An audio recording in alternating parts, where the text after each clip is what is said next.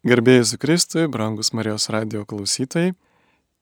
Šiandien susitinkame su gerbiamu pulkininku Eugeniju Milastausku, garbėjai su Kristui. Paramžius savę. Gera, kad su kariu galiu taip sveikintis krikščioniškai, nes žinau, kad pačiam irgi Dievas irgi yra prie širdies, ar ne taip? Tai aš manau, kad e, kariam e, daugiausiai Dievas yra, yra toks pasakymas, apkasuose daug ateistų nėra. Tai e, nesenai Edmundas Jekilaitis grįžęs iš Ukrainos pasakojo mum identifikuotas pamokas praeitą savaitę ir vienas iš jų tų pastebėjimų sako, artilerijos apšaudimų metu meldžias visi. Ir tas tas tikėjimas ir šiandien vat, mes vesdami ekskursiją ir pasakant apie tokį istorikę Rugilę Grandaitę, pasakojo, kad berots virtuko mūšio metu generolas Žemaitis, mūsų prezidentas, kuris atėjo iš tokios laisvamaniškos šeimos, bet to susidūrimo metu, tokia išlykiai vienas toks pasakojimas, žemaitis nulenkė galvą ir prisižegnojo. Tai, tai nu, čia tokie geri laikai, tai, tai nei kariuomenės nereikia, nei dievo nereikia.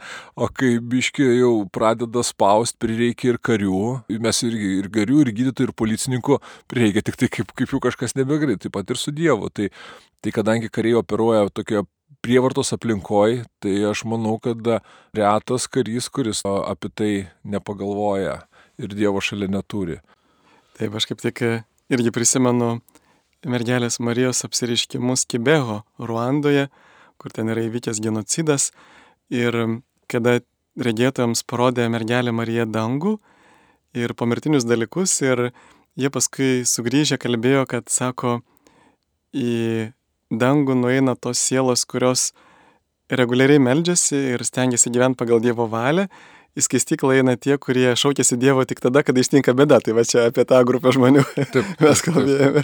Bet aišku, turbūt yra ir tokių karių, kurie pasirenka šitą pašaukimą, kario pašaukimą, tam, kad iš tikrųjų galėtų paukoti savo gyvybę iš meilės tėviniai, meilės artimai. Kaip Jėzus sakė, nėra desnės meilės, kaip gyvybę už draugus atiduoti. Aš manau, kad be bejonės, ypač dabartiniu laikotarpiu ir daugumos karių, ir mes va, dabar kai tik matome, kaip kovėsi ukrainiečiai, kaip ukrainiečių kariai kovėsi FD, kaip traukėsi spaudžiami didžiulės rusų kariuomenės. Ir mes dažnai tą pakalbam, va tą, va sako, man tas patinka, tas nepatinka, tai mano supratimu, kario supratime, kario tarnybai tas žodis patinka ar nepatinka, būt gerai, kad šį patiktų. Bet šiaip tai e, labai nedaug kas patinka, yra žodis reikia. Tai tas pareigos jausmas, padarimas to, ko reikia, padarimas ir, ir, ir kario priesaika, nesigalėdamas jėgų ir gyvybės ginti Lietuvos valstybę, tai Lietuvos žmonės, jos laisvę ir nepriklausomybę, tai kiekvienas Lietuvos karys šitą priesaiką ir šaulys neduoda šitą priesaiką. Tai Aišku, ta priesaika taip įsisamonima galbūt per laiką, ne visada jaunas tą visiškai suvokia, bet šitas pasirinkimas, nu, manau, kad jis labai smarkiai susijęs. Be abejonės, vėlgi aš taip įvesiu karišką tokį humorą. Vienas iš tokių labai puikių generolo, generolas e, Džordžas Patinas, e, turbūt vienas iš iškiliausių amerikiečių generolų antram pasauliniam karo metais, e, jisai buvo pasakęs. Kariai sako, dar ne vienas nelaimėjo mūšio numirdamas už tevinę. Jūsų reikalas privers kitus numirti už jų tevinę. Tai, tai šito atveju mes taip žiūrim, būtų gerai, kad, kad ne mes, bet, bet, bet aš manau, kad tą supratimą nu, turim. Ir šiandien pelenų diena, o šiandien aš buvau mišiuose, pabarstę galvą, atsiprašau, buvo praeitą savaitę tokie mes nesam labai uolus katalikai, tai šiandien, šiandien mišiuose klebonas su pelenais pabarstė galvą ir pasakė, žinai, atmink iš dulkės kilės į dulkę virsi. Tai, tai to pagalvojimo, nu, gal reikia karts nukarto memento mori. Taip, ir šią laidą mes kaip tik įrašinėjom būtent norėdami paminėti Ukrainos antrasias karo metinės. Ir iš tiesų jie žūsta ne tik už savo tėvynę, bet ir, ir už mūsų tėvynę. Jie tikrai didvyriškai gina ir, ir savo miestus ir kaimus, ir kartu visa visuomenė įsijungia. Gal irgi teko pastebėti, kaip kiti ukrainiečiai padeda savo kariams šiuo metu ginti savo tėvynę, kurie na, neina prie ginklų? Sigitai, e, pirmas dalykas, aš norėčiau tokį vieną pataisimą mes. Mes dabar skaičiuojam, kad karas prasidėjo vasario 24-22 metais. Šiaip tai jeigu karą skaitysim kaip prievartos naudojimą siekiant politinių tikslų, tai karas prasidėjo 2014 metais. Va, vasario 23 dieną, kada Rusijos pajėgos įsiveržė į Krymą. Nes tada buvo panaudota karinė jėga ir prievarta siekiant politinių tikslų. Kodėl tai svarbu? Todėl, kad labai svarbu, nuo kur mes skaičiuosim. Todėl, kad tai rodo, kad tai gerokai seniau, bet dar vienas dalykas, tai rodo, kad labai ilgą laiką, nu mes taip galvojam, ačiū viskas kaip ir, kaip ir gerai. Tai e, tam, kad blogis triumfuotų, gojerį reikia viso labo nedaryti nieko. Tai, tai aš galvoju labai svarbu tą grįžti truputį anksčiau ir pasakyti, kad vis dėlto karas Tai yra fizinės prievartos naudojimas siekiant politinių tikslų prasidėjo 14 metais vasario 23, kada Rusijos federacija be jokio preteksto užpuolė Ukrainos e, valstybę ir užgrobė Krymą. Dabar, kur mes manau, kad 24 vasario, ką turim, tai iš tikrųjų turim tokį labai išaugus ir čia, manau, irgi geras pavyzdys. Kas atsitinka, jeigu blogis nesutramdomas laiku. Tai, tai tas problemas reikia spręsti. Jos, jos čia kaip lyga. Blogis kaip lyga. Ir, ir jeigu to neįspręsta anksčiau, nu, tai reikia spręsti tada kažkaip tai vėliau. Tai, tai čia galim sakyti, kad ko gero pirmiausia be abejonės kaip be bus skaudu, aš taip tiesiai šviesiai pasakysiu, tai kiekvienas turbūt ukrainietis turėtų paklausti savęs, o ką aš padariau, kad iki 14 karas neįvyktų, toliau ką aš padariau nuo 14, kad Ukraina laimėtų. Ir, ir čia taip ir pat... Ką mes lietuviai, ką aš padariau, taip, kad padėčiau Ukrainai. Būtent, būtent ir, ir, ką, ir dabar tada ateina klausimas ir mum, o ką aš padariau, kad, kad karas nevyktų Lietuvoje ir ką aš padariau, kad tas karas, tas blogis būtų nugalėtas Ukrainoje. Ir čia tada aš manau, tokio ateis daug pamastymo, tada labai išaiškė, svarbiausia, nebakstel kažkam į pirštą, amerikiečiai turi tokį gerą pasakymą, sako, kai pirštų rodai kažką, trys pirštai rodo atgal į tave. Tai, tai kiekvienas iš mūsų, nu, mano manimu, tą turim pasižiūrėti ir, ir, ir paverti, ką aš galėčiau padaryti. Tai dabar kitas be bejonės, tai vertas didžiulės pagarbos tas ukrainiečių pasiaukojimas ir, ir tų daugybė žmonių įsijungimas ir, ir padėjimas savo ir kariuomeniai, ir ginkluotosiam pajėgom, ir visai valstybei. Polimas didysis prasidėjo ketvirtadienį, vasario 24. Aš sekmadienį mes su bičiuliu Mindogu buvom ant sienos, ten paimti savo draugo e, šeimos. Ir man tai buvo taip, nu, iki šiurpo. Tai matau kelis dalykus. Pirmas dalykas tai tūkstančius Lenkų atvažiuojančių, dedančių, verdančių kavą, darančių sumuštinių, didžiuliai kalnai rūbo, paruošti žmonės tik išeina, moteris su vaikais ir iš karto prengiam, iš karto jais pasirūpinama, vežami namo. Ir mačiau į tovus susėdančius vyrus ir kertančius į Ukrainos pusę, važiuojančius, važiuojančius ginti savo valstybės. Tai, tai va čia buvo toks labai, mano manimu, garbingas ir gražus uh, ir teisingas dalykas. Teisingas dalykas. O tų pavyzdžių, be abejonės jų beprotiškai daug. Ir ta valstybė, kaudamasi su galingesnio ta blogio imperija, ta blogio imperija tai ne tik Rusija, tai ir Šiaurės Koreja, ir Iranas prisijungęs prie šito, ir galbūt e, dar kitų šalių turim, kurios ten uh, slapta padeda. Tai, Kinija. Tai va, šita šalis sugeba gintis ir, ir stabdyti tuos, uh, tuos įsibrovėlius, tas Rusijos pajėgas. Uh, Ne tik dėl to, kad kariai gynas, bet ir dėl to, kad beprotiškai daug padeda visa visuomenė.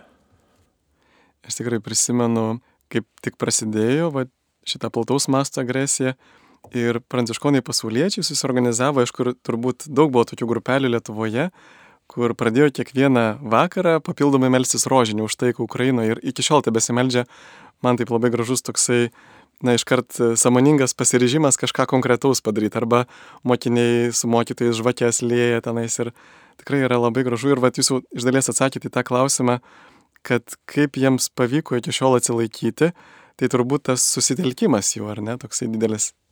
Taip, be abejonės. Ir, ir, ir aš galvoju, kad man tai labai užstrygęs pasakymas, kad ką turi daryti doras katalikas, tai melstis ir dirbti. Tai vien darbo neužtenka ir vien maldos neužtenka turi būti e, dar ir veiksmas.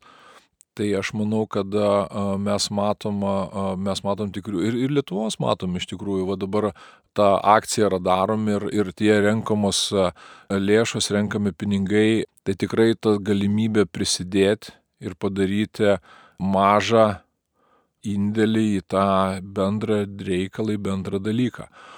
O kad kartais gali atrodyti ne visai viskas taip rožinį ir gražu, tai aš, aš šiandien kalbėjomės ir seniau kalbamės, tai mūsų valstybės istorija pavyzdys. Trys dokumentai fundamentalūs. Vasario 16-18 metų, 49 metų pasipriešinimo deklaracija ir kovo 11, visos trys jos pasirašytos tuo momentu beviltiškų momentų. Tuo momentu niekas tą projektą Lietuvos Respublika jokių šansų nebūtų.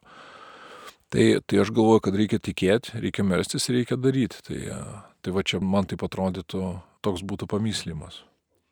Ir Rusija prieš rengdama Ukrainos užpalimą, jinai vykdė tam tikrą ideologinį paruošimą savo gyventojų. Ir koks tai buvo tas paruošimas, atrodo, teko girdėti, kad buvo kažkokia net knyga išleista, kurią prezidentūra jos pusė tiražo stengiasi išpirkti, kad neskleistų tų tokių propagandinių idėjų kenksmingų Ukrainai. Ir va, koks tada buvo tas ideologinis naratyvas ir, ir kam dabar Rusija ruošia savo tautą ideologiškai, va taip motivuodama savo piliečius.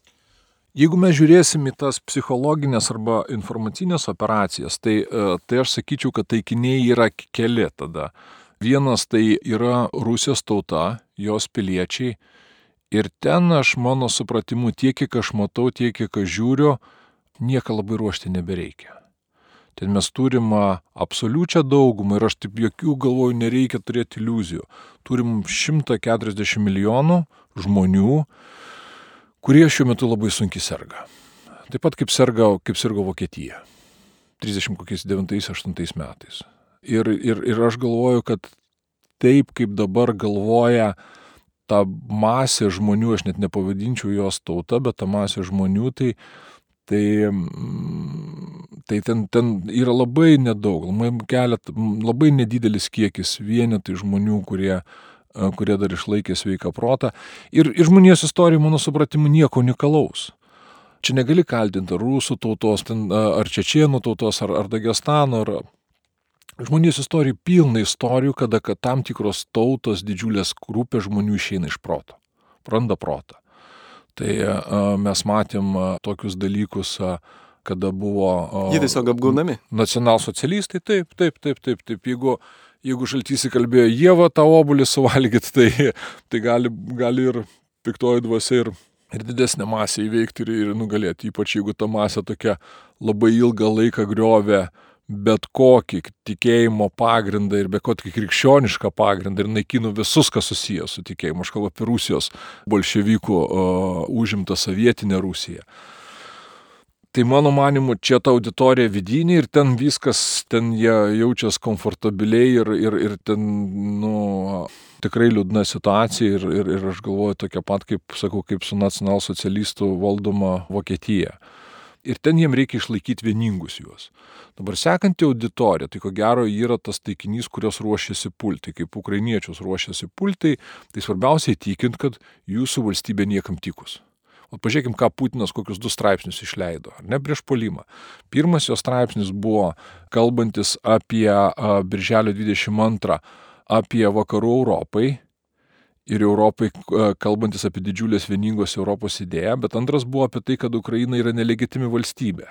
Kad šiaip nėra, jis ten jis istoriškai ir dabar matė tą interviu, kuris ten pasakojo visokius blėnis ir pradėjo vos ne, vos ne nuo Kristaus gimimo. Tai, tai mano, mano supratimu, Rusijos propaganda dėjo didžiulės pastangas ir kalbam apie 5 milijardus eurų FSB 5, 5 departamentų išleisto tam, kad kiršint, papirkinėti ir žadinti ukrainiečių nepasitikėjimą savo valstybę. Tai sekantis be abejonės taikinys tai mūsų vakarų Europą ir, ir vakarų pasaulis ir įtikinėti, kad ta Rusija labai galinga, gera ir teisinga ir turinti labai didelės galės, o, o jau tie vakariečiai tai supuvę, sugriuvę ir nieko iš jų čia gero nebėra. Tai E, man taip labai norėtus, vad kas e, paskatinsiu, atsiverskit, pasižiūrėkit, kaip ten visokie ekspertai rungtiniavo per kiek laiko bus Ukraina užimta, per kiek Baltijos šalis užimto, kaip čia Rusija dabar naujus ginklus vysto ir taip norėtus pasižiūrėti jiems dabar reikės ir paklausti. O tai kaip jūs manot, ar jūsų va šitie spėjimai, spėjimai kabutėse neprisidėjo prie paskatinimo tam tikrų veiksmų ir pačių rusų neįtikino, kad va jie iš tikrųjų tokie kieti ir tvirti. Tai va trys auditorijos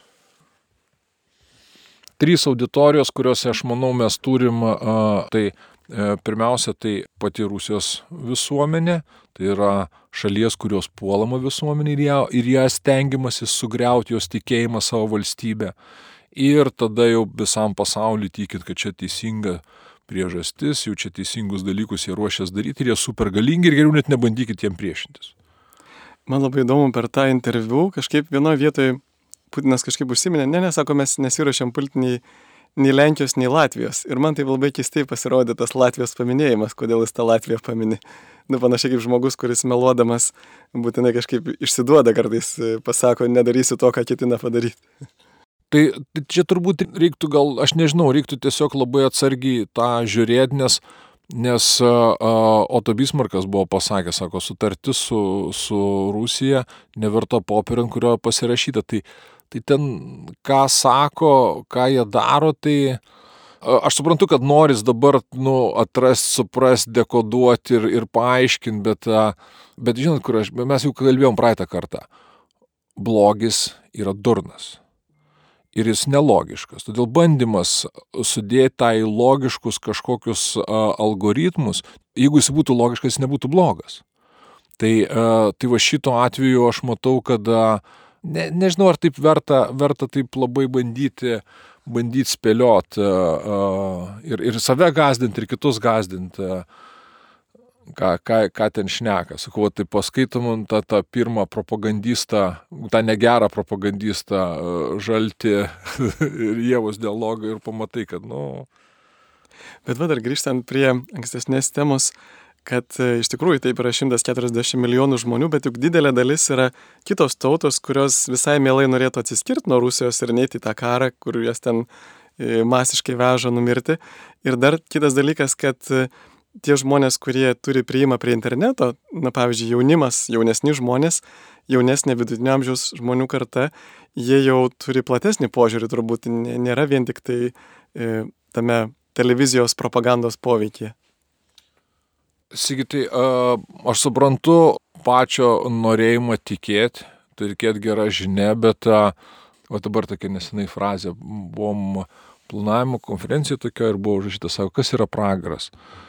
Tai tiesa suprasta per vėlai. E, tai, tai man atrodo, mes čia taip galvojam, e, bet, bet aš galvoju, kad pakol kas ne, neturėkim labai daug iliuzijų ten tų tautų daug, bet e, veiksmo, vat, kada lietuvių tauta norėjo atsiskirti ir suvokė, kad yra okupuota, tai lietuvių tauta tai Vėlinis, 56, tai e, Kalanta, tai, e, tai bažnyčios kronika, tai pasipriešinimas 10 metų, tai sąjūdis, kai tik atsirado galimybė, tai tūkstančiai žmonių, o kur visą tai kur visą tai šitą.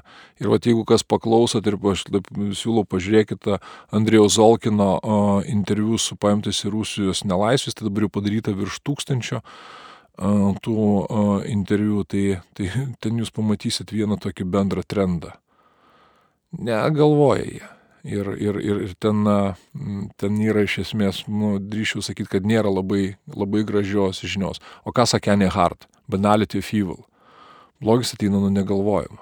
Tai panašu, kad krūvo žmonių į rytus nuo mūsų pasirinko tiesiog negalvoti. O vad grįžkim dar prie Ukrainos situacijos pačioje fronto linijoje. Kariuomenė labai išsekusi, ilgai nesulaukia pakeitimo. Ir kodėl taip yra? Ar, ar Ukrainos valdžia irgi gal bijo tokių nepopuliarių sprendimų, kad štai reikia vis naujų žmonės siūsti karą? Kodėl jų nieks nepakeičia ilgą laiką? Nu, matot, e, Sigitai, čia reikėtų klausti Ukrainos valdžios ir karinės vadovybės. Mes matom tos pasikeitimus, tai supraskim, kad e, vat, man tai, tai taip kaip, kaip kariškiui tai, ir, ir kariui, kaip kariui tai taip ateina toks biškiai lengvas lastis. Nes iki kokių 14 arba iki 22 metų tai kariuomenės niekam nereikėjo. O dabar staigi visi tapo persimetę metę ekspertizę COVID e ir tapo ekspertais kariavimo. Tai e, kariavimas yra labai komplikuotas mokslas ir menas. Ir ten tokių, kadangi veikia dvi jėgos viena prieš kitą ir naudoja prievartą ir, ir viena ir kita pusė turi labai tokių rimtų priežasčių išvengti prievartos panaudojimų ir būti sėkmingas savo prievartos naudojime, tai viskas keičiasi labai greitai. Ir tai nėra taip labai paprasta. Tai aš susilaikysiu nei nuo, nuo, nuo tų atsakymų, e, supraskim tik tai tie, kad kariauja 40 milijonų valstybė prieš 140 milijonų valstybę. E, kariauja vienoj pusėje valstybė, kuri galvojo, kad kaip ir didelė dalis vakarų, kad karų nebus arba karo, ten, karo tikimybė labai maža, o kita jau kokius gerus, taip sakyčiau, nuo 2008 metų, 2006-2008 metų pumpavo savai ruošėsi karui. Tai, tai va čia mes turim tą tokį, tokį be bejonės tokią nelengvą situaciją. Ir, ir ten daug dar labai priežasčių, bet nu, yra taip, kaip yra. Ar galėtų būti geriau, visada galėtų būti geriau. Ar galėtų būti blogiau, irgi gali būti blogiau. Tai, tai pakol kas, ot mes dabar sėdim kaip tik to, tų labai e, sunkių laikotarpių, kada atsitraukti iš Avdyjevkos, vieną iš tokių atramos punktų, įtvirtintų gynybos punktų po ilgų mūšių, jeigu prasidėjo viskas spalio mėnesį, tai, tai spalis, lapkritis, gruodis, sausis, vasaris, va penkius mėnesius buvo pralaikyta ir dabar įsivaizduokit tas 36 tūkstančių ir kiek aš dabar atsimenu 20 kvadratinių kilometrų atramos punktas. Tai kurį puolė, nu, taip skaičiai iki 80 tūkstančių sutilktos Rusijos kariuomenės buvo. Tai Tai labai, labai taip lengva pasakyti ir kritikuoti, ko gero gali būti, kad galėtų kai kuriuose dalykuose ukrainiečiai būti truputį efektyvesni, galbūt daugiau paklausyti vakarietiškų patarimų, bet kita vertus tai irgi nu, pakankamai sudėtinga situacija. Mėly Marijos radio klausytojai, girdime laidą skirtą Ukrainos tokio plataus masto karo antrosioms metinėms, bet kaip ir minėjo gerbiamas pašnekovas, kad jau dešimt metų, kaip vyksta karas Ukrainoje ir kalbame su pulkininku Eugenijumi Milastausku, aš kuningas Sigitas Jurkštas ir tęsime laidą. Ukrainos kariuomenė vis kiekvieną dieną skelbia tuos Rusijos karių nuostolius ir atrodo, kad tie nuostoliai Rusijos karių ir technikos ir, ir personalo vis didėja. Ir ar mes galim pasitikėti tais skaičiais ir ar tikrai Rusija kare praranda daugiau technikos, negu paėgė pasigaminti?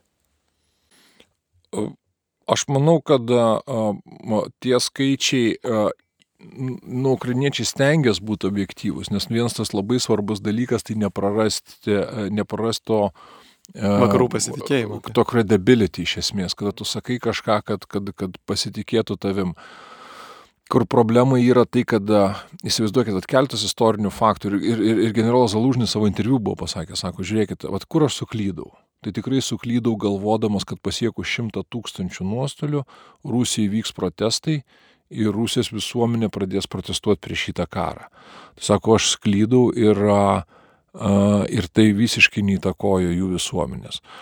Tai jeigu dabar mes pasižiūrėsim 41 metai, Barbarosa, nuo birželio mėnesio iki, iki panašiai lapkričio gruodžio mėnesį, tai iki, iki, iki kontrpolimo ties Maskva, sovietai praranda taip grubiai skaičiavimais, pačiais grubiausiais, apie 3 milijonų žmonių. 3 milijonų žmonių. Įsivaizduojat? Jie praranda beveik apie 20 procentų lėktuvo, iš tų 20 tūkstančių tai bus panašiai apie 12 e, tūkstančių lėktuvų praranda didelę dalį tankų. Tankų tuo metu e, sovietai turėjo apie 20 tūkstančių, daugiausia negu bet kuri valstybė pasaulyje. Tai daugiau negu dabar viskas buvo. De, taip, taip, taip, nes nu, industrializacija ir ten didžiulė armija pastatyta ant kojo. Ir ar mes matėm protestus? Stalinas 45 metų banketo metu, pergalės banketo metu, vieną iš tostų pakėlė, man atrodo, ten vienas pirmam penketukė tostas buvo už labai kantrią rusų tautą kuri nepaisant didžiulių nuostolių vis tiek toliau tęsė kovą. Ir kitko, kas labai vat, e, verta pastebėti, kad e, kiek aš žinau, tai buvo pakelti 504 tostai. Viena iš paskutinių tostų buvo ten už Lenkijos berots e, angliakasius ir ne vieno tostų už žuvusius. Tai Tai man tai atrodo, va, pavyzdžiui, Afganistano karas, ar ne, tai ten žuvusių apie 14 tūkstančių, tai jisai mano supratimu ne dėl žuvusių sustojo, jisai sustojo dėl to, kad Sovietų sąjungai baigės pinigai. Dėl to, kad nukrito kainos naftos, dėl to, kad įsivėlė į žvaigždžių karų programą ir tiesiog Sovietų sąjunga nebeturėjo iš ko tęsti. Bet dabar irgi panaši situacija, kad Rusijos pinigai senka. Tai, tai va čia reiktų klausti makroekonomistų. Ir, ir, ir čia vat, kaip ta situacija yra finansin, su finansais ir kokia yra rinkos, ką, ką ten sako ekonomika, aš tiek neišmanau. Negaliu apie šitą kalbėti.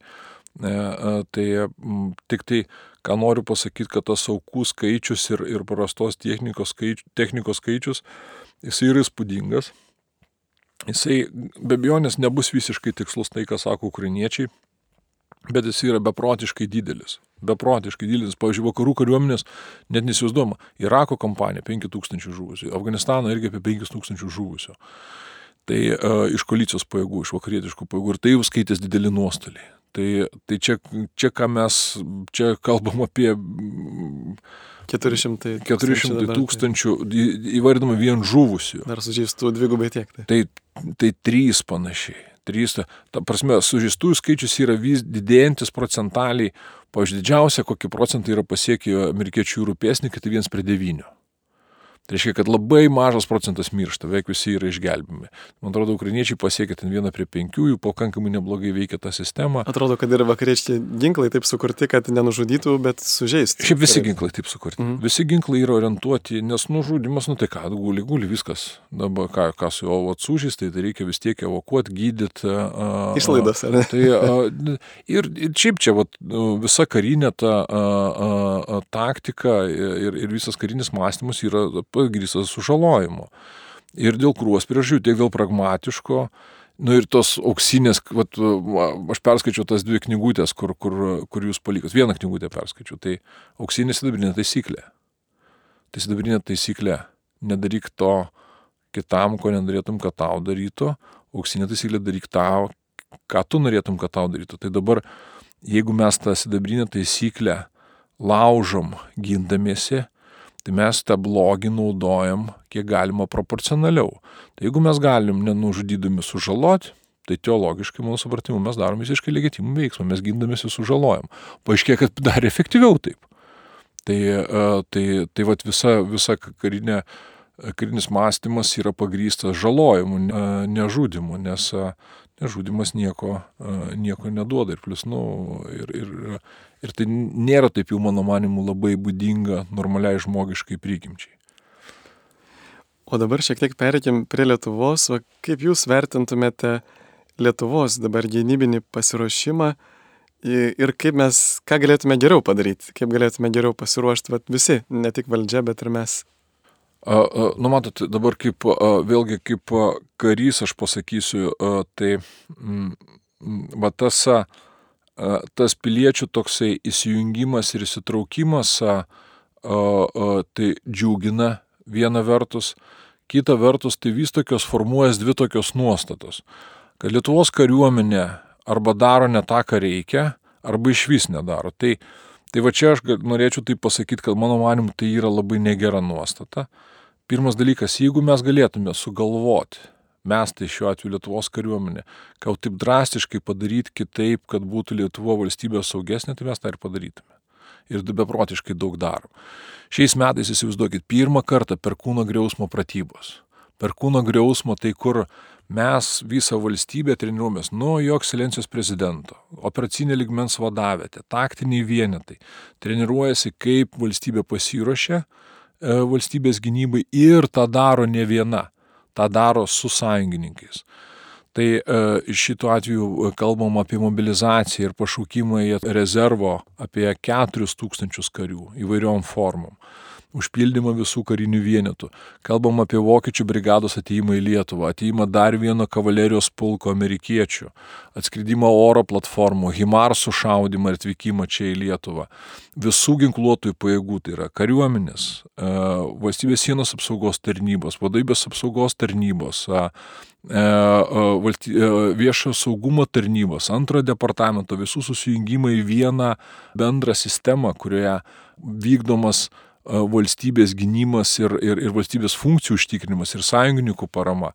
Tai, tai daromi tokie dalykai, kurie niekada nebuvo daryti ir tai yra pakankamai sudėtingi dalykai. Tai tarkim, transformacija organizacijos iš 21 tūkstančio į 50 tūkstančių, tai yra, nu, rimtas reikalas. Kas, kas nori tą, tą pabandyti, pabandykit, bet pa, pa, tai pagalvoti, ką reiškia 20 tūkstančių kompanija per, e, per keletą savaičių paversti 50 tūkstančių kompaniją ir, tai, ir padaryti tai, kad jinai darytų e, tą, ką jūs sakot ir dar tai darytų aplinkoje, kur juos gali nudopti.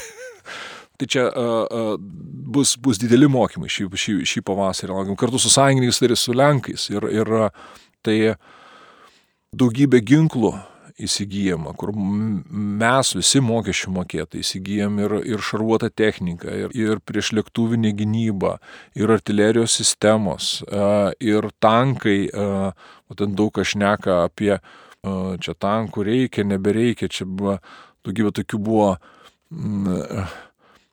labai jau pretenduojančių į, į, į, į, į tos karinius reikalus. Tai mano supratimu, tai dabar šiandien mūšio laukia, tai yra du variantai arba kasamas, arba lendam po šarvu. Tai jeigu kasamės laikyti galim, bet kontratakuoti išstumti jau bus labai sunku, arba tai kainuos daug. Tai tie, kas, kas labai prieš šarvuotą techniką, norėčiau juos pamatyti kontratakuojant per lauką, apšaudama arba kad ir per kokį miesto gatves. Tai, tai visa tai, e, e, visi tie pajėgumai vystomi ir vystomi pakankamai, mano supratimu, greitai. Jeigu tik išeitų kažką padaryti greičiau, tai aš galvoju, kad mes taip ir padarytume. Ką galėtų, mano manimu, padaryti visuomenė, tai pirmiausia, be bejonės, kiek įmanoma. Ir čia va toks ko gero dichotomija. Viena vertus mes nesam ten kažkokia tai fašistinė valstybė, kur visi turi mąstyti vienodai, tai uh, išlaikyti kitokias nuomonės, išlaikyti galbūt ir kitokį požiūrį, viskas tvarkoja su juo, bet tuo pačiu turėti tą bendrą vienybės jausmą. Taip, mes pagarbą kitaip mąstantiems. Taip, pagarbą kitaip mąstantiems, bet o kartais ir paklusnumą. Ir paklusnumą, kad reikia padaryti ir kartais galbūt tie, kurie yra e, prie viršuje ir, ir kurių duona tikrai yra sunkesnė. Aš, pavyzdžiui, į visus atėjo laikas, kada į visus savo vadus, į visus savo viršininkus, į visus politinius vadovus, aš tikrai žiūriu ir galvoju, jų duona yra tikrai sunkesnė. Ir jeigu kūningas negalvoja, kad klebonai sunkiau, jeigu klebonas negalvoja, kad vyskupai sunkiau, o vyskupas negalvoja, kad kardinolai ir popiežiai yra sunkiau, tai jis tada biškinį kažko nesigaudo, kas ten, kas ten, kas ten vyksta. Tai, tai vat mano, mano supratimu, ta tokia turėta ištikimybė ištikimybę e, savo išrinktiem pareigūnam, paskirtiem pareigūnam e, ir vietoj to, kad keiksnot, nu tai padaryti pačiam e, tam tikrus dalykus, kuriuos jis ten mato. Nu ir, ir, ir man atrodo, ir toks pats didžiausias dalykas, tai nepasiduoti panikai ir baimiai. Nes ką dabar nori tas mūsų priešininkas, tai visom formom bus nori tikinti ir išgazdinti ir, ir, ir priveikti ir sakyti, va čia jau dabar tai jau E, jau čia nieko nedaro, arba čia blogai, net ne, ne taip darbo, čia mes to viską, vat, vat, jeigu tik ateis, tai viskas bus nugalėta. Tai vat, tos reikia tos durnystės išvengti, to, to, tos baimės, nes baimė kas yra? Iracionali. Ant, antonimas, mano supratimu, laisviai. Tai, mm, tai va čia turbūt mano tokie būtų, būtų pamyslimai, to tokio erzelio neturėtų, tokio turėtų tos geros naujienos, to tikėjimo. Aš vakar žiūrėjau šitą filmą poetas apie, apie pasirinkimus mano supratimu. Apie pasirinkimus teisingus ir neteisingus, kur mūsų gyvenime kiekvieną dieną, ko gero, jų, ne kiek, kiekvieną dieną mūsų gyvenimas susideda iš tų pasirinkimų. Tai man tas labai užstrigo, tas sėdė pasipriešinimo vadas, šnekas su Kubilinsku ir sako, tai kur vilties, kur to tikėjimo, žinai. Tai, tai ten, ir man atrodo, kad katalikų tai iš viso nėra ko pergyventi. Dabar jeigu mes tikim, že, kad Dievas turi planą, Dievas sukūrė mus pagal savo atvaizdą, Dievas mus myli, tai ko tada bijoti, tai ko tada pergyventi, ko tada rūpintis, tai viskas bus taip, kaip turi būti. Ir, nu, ir, ir čia jokios, jokios galios. Tai vat, man atrodo, va, tokie pagrindiniai dalykai. Kai mes pradedam ten erzeliotis, ten pradedam kažkos ten, čia vat, ne pagal mumis, vat, aš turėčiau taip, aš norėčiau, kad tai būtų. Tik, tik kontraktė nebuvo, kai gyvėm parašyta, kad bus taip, kaip norim. O kaip manot, va tas informacinis karas, kurį galbūt e, Rusija irgi vykdo, tai be abejo, kad jisai, jam galima atsispirti, vad būdami vieningi ir, ir nepasiduodami tam tokiam irgi kiršinimui turbūt, kad e, kai ir vyksta įvairios problemos visuomenėje, iškart irgi, na, matydom tokį susiskaldimą, kad e, labai dažnai va tokios dvi stovyklos atsiranda, bet, bet turbūt, va, kaip ir kalbėjom, kad yra labai svarbu turėti tą pagarbą kitaip mąstantiems ir, Ir tiesiog mes galime, kaip mūsų arkiviskupas sako, galime sutarti, kad mes nesutarėm. Man atrodo, mes esam kalbėję apie Krilovo pasakėčią, ar ne tenai, uh, uh, Krilovo, kuris iš tikrųjų Esopo pasakėčias parašė, kiek aš žinau, bet, uh, bet tenai lydeka, vežys ir gulbė, kurios traukia vežimą ir traukia beprotiškai daug jėgų deda. Bet kadangi gulbė traukia į viršų, vežys į vandenį, o lydeka vėl iš šono, tai tas vežimas niekur nejuda. Tai vad visa mūsų veikla, visas mūsų gyvenimas šitam projekte, kuris vadinasi Lietuvos Respublika, tai jisai yra kolektyvinė veikla. Dabar kolektyviniai veikloje kas svarbiausias dalykas, tai yra bendros pastangos. Kariuomenė tai vadinasi unity of effort. Tai toks kryptinga, kad vieną kryptim trauktume. Nes jeigu pritrauksime priešingą, tai ir patys pavargsim ir niekur nepajudės. Taip, oponentui ką reikia? E, reikia dabar sugriauti vienybę. Ir, ir, ir dabar ten, aišku, galime įvairiai aiškinti, bet pažiūrėkit, iki vasario 24 dienos pasaulį tokia verda. Škotų, e, škotai nori atsiskirti, e, baskai irgi liktai nori atsiskirti, prancūzijai e, geltonas limenės protestuoja, Lietuvoje irgi čia krūva tokių. Vakseriai, antivakseriai. Ir, ir visokiausių, visokiausių, tarp kitko, ko gero labai daug padarių žmonių tenai. Įvairių tenai ir už, ir prieš tenai. Ir tada vasario 24 dieną, prasidėjus didžiajam polimui, kažkaip tai viskas prigesta.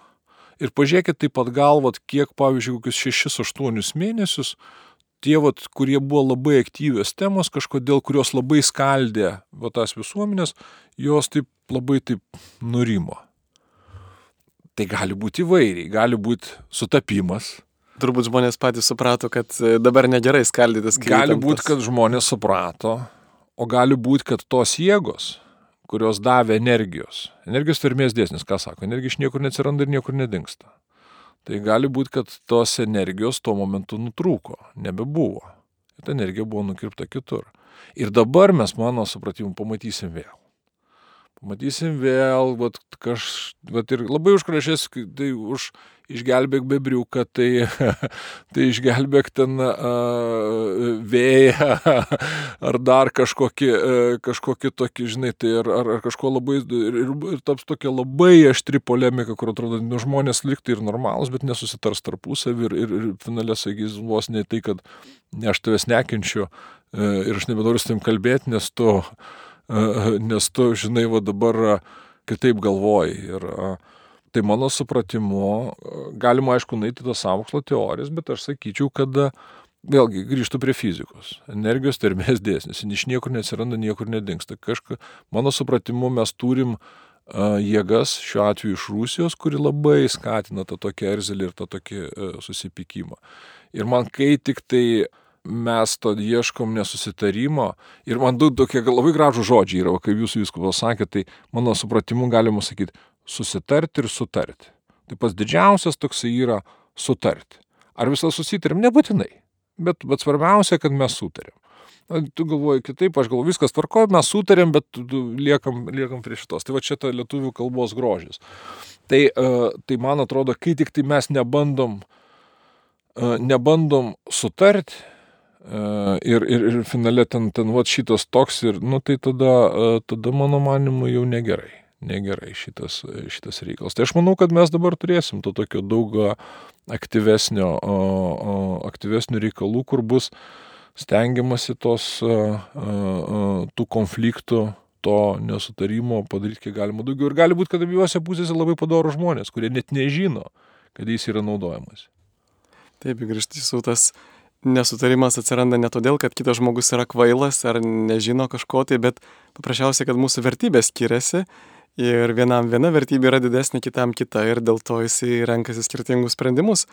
Ir šventam rašte irgi parašyta, kad įžeistą brolį sunkiau laimėti negu įtvirtintą miestą, tai tikrai kaip svarbu neįžeisti kito, at ypatingai kažkokią tai panieką, žeminimu kitų, bet vat, išlaikyti visą laiką tą pagarbą toj, toj diskusijoje. Bet, bet, bet sakyti, aš dar pasakyčiau, kad dar labai svarbu ir neįsižeisti. Įžeisti, tai žinai, tu, tu, tu, tu, jeigu ne, ne, neįsižeisti, tai nieks ir neįžeisti. Taip. Tai va, tai tikrai ačiū, gerbiamas pulkininkė Eugenijau, kad e, sutiko dalyvauti šiandien laidos įrašė ir kad galėjom pasikalbėti apie tuos dalykus, kurie mums ir kelia nerimą, bet kartu ir kelia, na, tokia E, būtinybę susitelkti. Ir Dievą mylintiems viskas išeina į gerą ir turbūt per išbandymus mes iš mūsų labiausiai gali būti pareikalauti ir darybės, ir šventumo, ir vienybės, ir pastangų. Tai tikrai visų pirma, melskime, kad, kad visa tai išeitų pagal Dievo valią. Viešpatie Dieve mes tau dėkojame, kad davėjai šią nuostabią planetą, davėjai mūsų žemę, davėjai mums šitą nuostabų gyvenimą su daug įvairių tavo dovanų, kurių net nepastebim kasdieną, bet kiekvienas dalykas tavo dovana, kiekvienas vaisius, kiekvienas žmogus, kiekvienas oro gurkšnis yra tavo dovana. Ir melžiame laimink visus tos žmonės, kurie karauja savo ramybės palaiminimu, padėk jiems atrasti taiką. Tėve mūsų, kuris esi danguje, tiesie šventas tavo vardas, te ateinė tavo karalystė, tiesie tavo valia, kaip danguje, taip ir žemėje. Kasdienis mūsų duonus duok mums šiandien ir atleisk mums mūsų kaltes, kaip ir mes atleidžiame savo kaltininkams, ir neleisk mūsų gundyti, bet gelbėk mus nuo pikto. Amen. Marija, taikos karalienė, melski už mus. Visi Dievo angelai, saugokite mus. Tai viešpats mus te palaimina, te saugo ten nuveda atėjus metų ir jam žinai gyvenimą, geriau, kad šiek tiek vėliau. Va, ir ačiū Jums, kad dalyvavote, su mumis laidoje buvo pulkininkas Eugenijus Lastauskas, laidą vedžio aš kuningas Sigitas Jurkštas. Sudė. Sudė.